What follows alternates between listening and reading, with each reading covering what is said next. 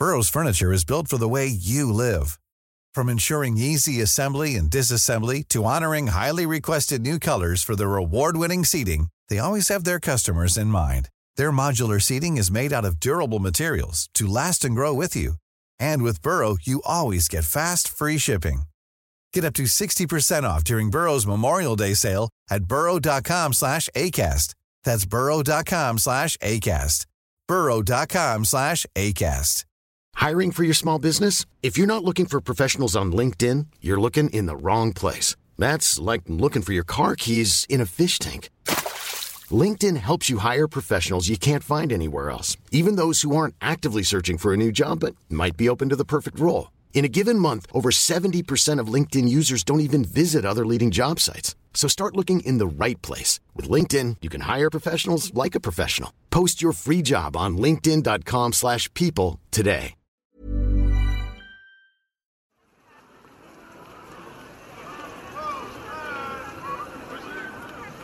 سنة 1906 كان الرحال الياباني توكوتومي كينيجيرو متجه ليشتري من كشك للأكل في ميناء يافا. وقفوا البياع بصوت صياحه وطلب منه يحافظ على مسافة ويترك الفلوس على بلاط رخام جنب الكشك. وعلى البلاطة نفسها ترك البياع الأكل. هالقصة وغيرها نسمعها عن رحالة زاروا فلسطين خلال فترة انتشار الأوبئة مثل الكوليرا. الفترة اللي بنيت فيها محاجر صحية في عدة أحياء بالمدن العربية. أنا عبير قبطي وعم تسمعوا بودكاست المستجد.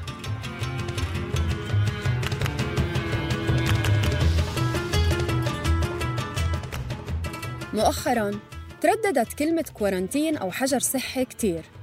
لكن هالمصطلح مش جديد في العالم العربي. كرنتينا أو كرنتين كلمة مرتبطة بأسماء أحياء عربية تأسست بفترة الحكم العثماني.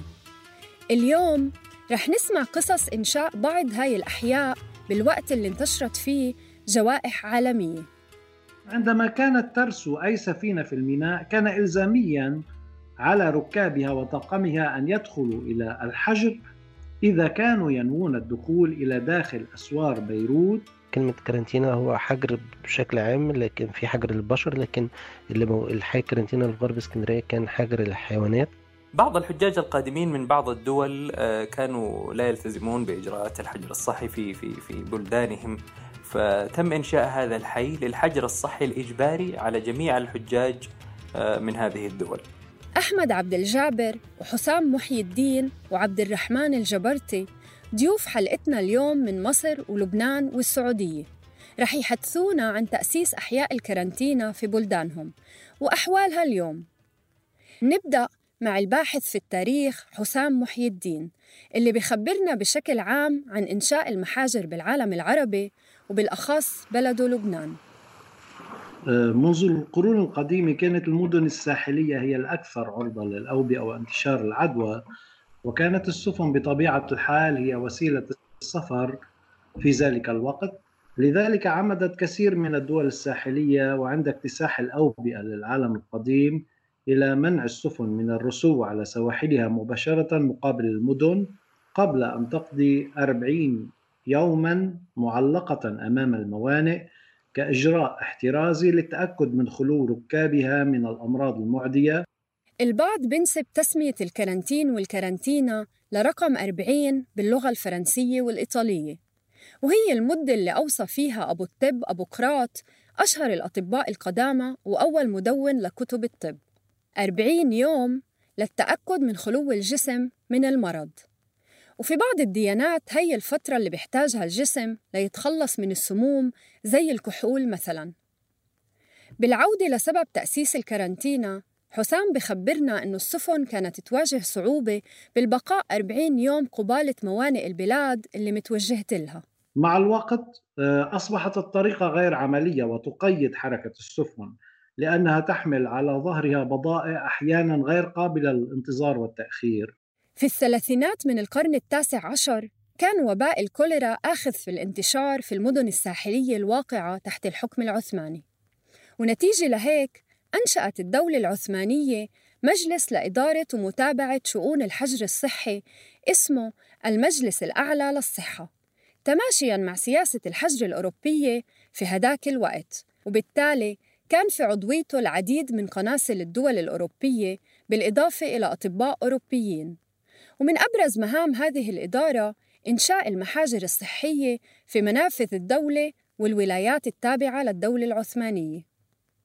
بناء على ذلك أمر محمد علي باشا وابنه إبراهيم بإنشاء أول مجلس حجر صحي بالإسكندرية ومستشفيات مخصصة للحجر في عدد من مناطق ولايتهم ومنها كارنتينا بيروت. في آه، لدينا كتاب للطبيب الفرنسي بنوا بويه عنوان الكتاب في بيروت وضواحيها المجاورة يتكلم عن المحجر في بيروت ويصفه بهذا المقطع على الشكل التالي على الشاطئ تماما في حي الكرنتينا يحده شمالا البحر شرقا نهر بيروت غربا حي الرميلي جنوبا طريق طرابلس مساحته نحو 30 ألف متر مربع يحصره من جهات الشرق والغرب والجنوب جدار عال نحو 3 أمتار ويبقى مفتوحا شمالا من جهة البحر فيطل على شاهق صخري من نحو 15 مترا. بالنسبة لشكل المبنى كان يتألف من جناحين. الأول للمتلوثين أي بمعنى مخالطي المرضى والثاني لمعالجة المصابين الذين يعزلون لمدة أربعين يوما وكان العزل أيضا يشمل المصابين من أهل بيروت. بعد إنشاء كارنتينا بيروت تغيرت وجهة رحلة الحجاج المسيحيين المتجهين للقدس. بدل ما ينزلوا بميناء يافا صاروا ينزلوا بميناء بيروت لينحجروا فيها. ومنها بكملوا طريقهم للقدس طريقهم اللي صارت أطول. الحركة ضعفت في يافا فطالب ممثلي الطوائف المسيحية فيها ببناء حجر لمدينتهم ليرجعوا الحجاج يمروا عبرها. أهل المدن والقرى الفلسطينية بدورهم كانوا يتندروا على أهل الساحل بقولهم ما بيجي من الغرب إشي بسر القلب باعتبار أنه مصدر الأمراض هو المهاجرين والوافدين للموانئ.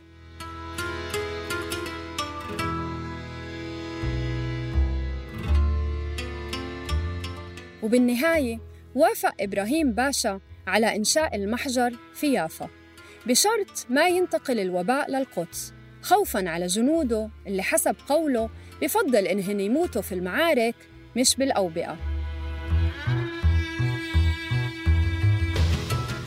وبالعودة لبيروت حسام بخبرنا عن دور الكارنتينا فيها اللي استمر إنشائها سنة ونص.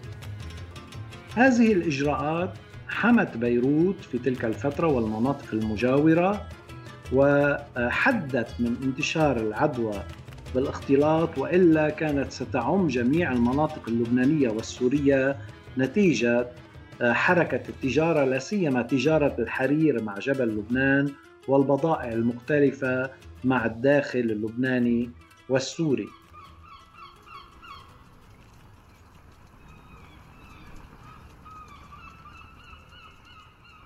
وبالفعل لما كانت توصل السفن لميناء بيروت وعلى متنها مرضى مصابين أو محتمل إصابتهم كانت تلوح بشارة صفرة بقابلها قارب الحجر الصحي وعلى متنه رجل أمن وموظف الحجر اللي بيستقبلوا المسافرين وبيصطحبوهن للكارنتينا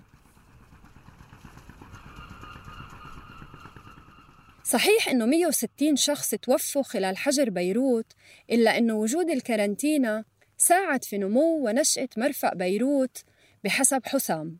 حي الكارنتينا ما زال موجود لليوم وضم لاجئين أرمن وفلسطينيين وأكراد وسوريين توافدوا على مدار السنوات.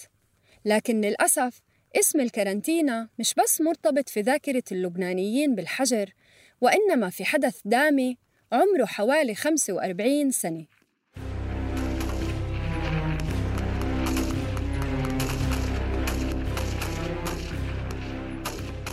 بيوم 18 كانون الثاني يناير 1976 أي في بداية الحرب الأهلية اللبنانية فاق أهالي حي الكارنتينا على أصوات قذائف وعيارات نارية كثيفة. انتهى هذا اليوم العصيب بمجزرة الكرنتينا ارتكبتها إحدى الفصائل اللبنانية المعارضة للوجود الفلسطيني في لبنان وراح ضحيتها 1500 فلسطيني ولبناني من سكان الحي.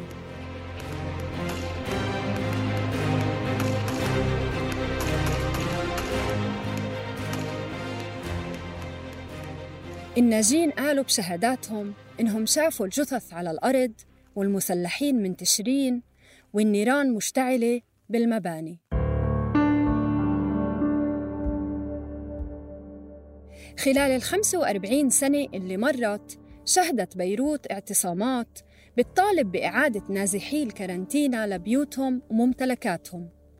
لكنها تقابلت بإهمال رسمي تماماً زي الإهمال اللي عم بيعيشوه أهالي الحي اللي بقيوا فيه لليوم.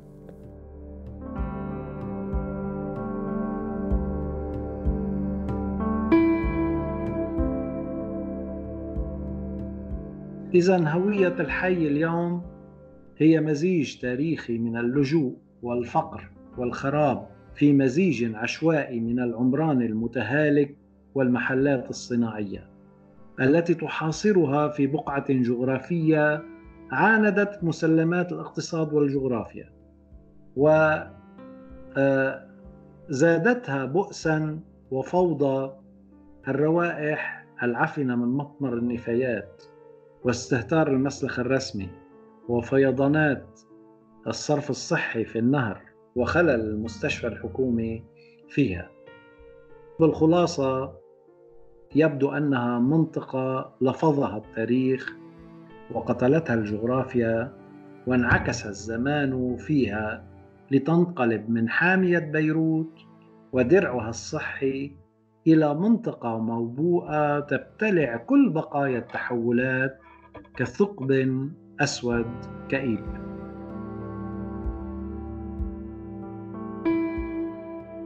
ومثل ما السياسة غيرت في كارنتينا بيروت فالظروف الاقتصادية والاجتماعية كمان غيرت أو حتى محت كارنتينا الإسكندرية. هالحي ارتبط اسمه بالجريمة وتمت إزالته بالكامل عام 1995 خلونا نرجع لثلاثينات القرن التاسع عشر لنتعرف على قصة تأسيس كارنتينا ميناء الإسكندرية.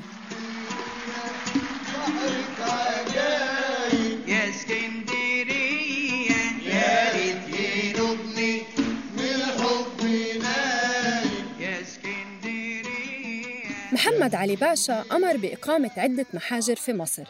أولها في حي اللازاريت المعروف بحي الأزاريتا اليوم واللي يعتبر واحد من أرقى أحياء الإسكندرية.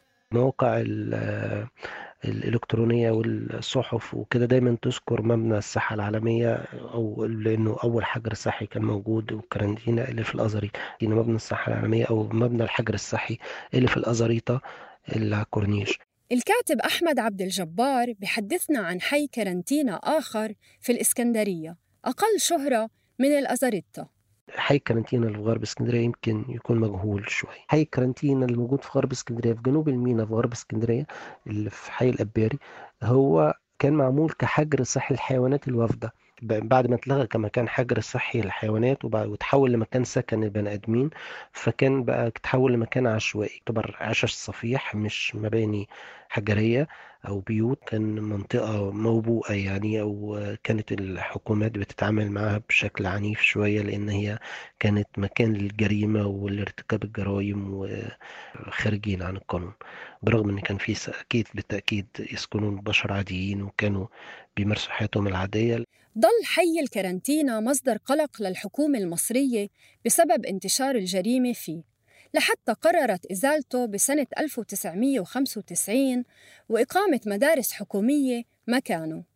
وتم نقل السكان لمنطقة الناصرية اللي بتجمع كل أهالي المناطق العشوائية المهدومة. هو هو دلوقتي ما بقاش الحي موجود. ممكن بعض الناس اللي ساكنين جنب المكان يقولوا عليه مكان الكارنتينا القديم أو حي المكان مكان موجود الكارنتينا القديم. نقل الناس من سكنوا في مساكن شعبية في أماكن تانية.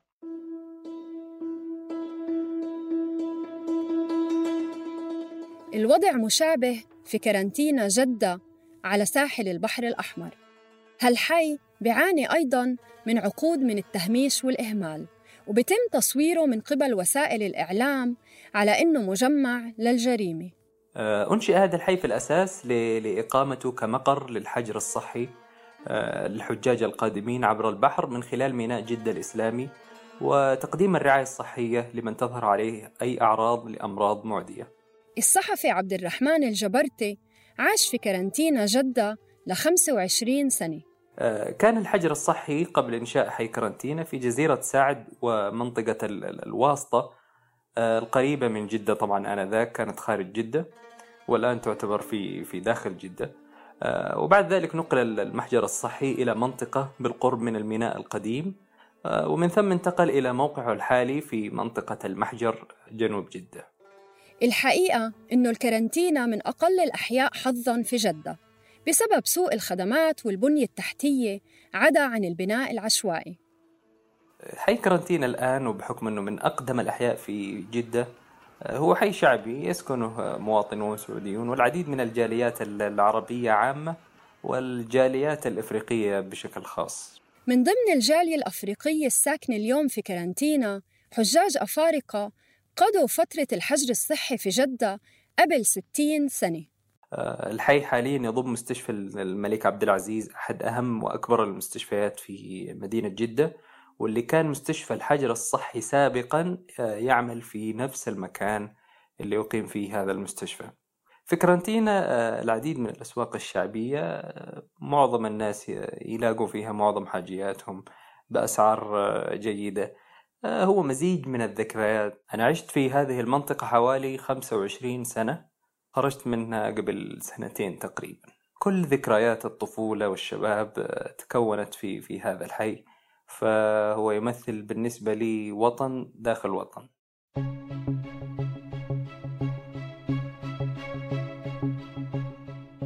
في بيروت وجدة وغيرها من المدن تحولت الأحياء المحيطة بالكارنتينا لمكاره صحية. وبدل ما تكون معالم تاريخية لحقبات زمنية مهمة عاشتها المنطقة صارت طاردة لأهلها بسبب قسوة ظروفها. هاي الأحياء اللي ورثناها عن الأزمات الصحية والجوائح في الزمن الماضي يمكن بتخلينا نتساءل عن شو ممكن أزمة كورونا تورث الأجيال القادمة. بودكاست المستجد من إنتاج صوت. كنا معكم في التقديم والتحرير عبير قبطي. في البحث والإعداد روان نخلي. في الكتابة سارة أبو الرب. ساهم في التحرير محمود الخواجة. وفي المونتاج تيسير قباني. اتذكروا إنكم تشتركوا بقناة بودكاست المستجد على أي منصة بودكاست بتفضلوها. لتوصلكم تنبيهات بالحلقات الجديدة. كونوا بخير وعافية.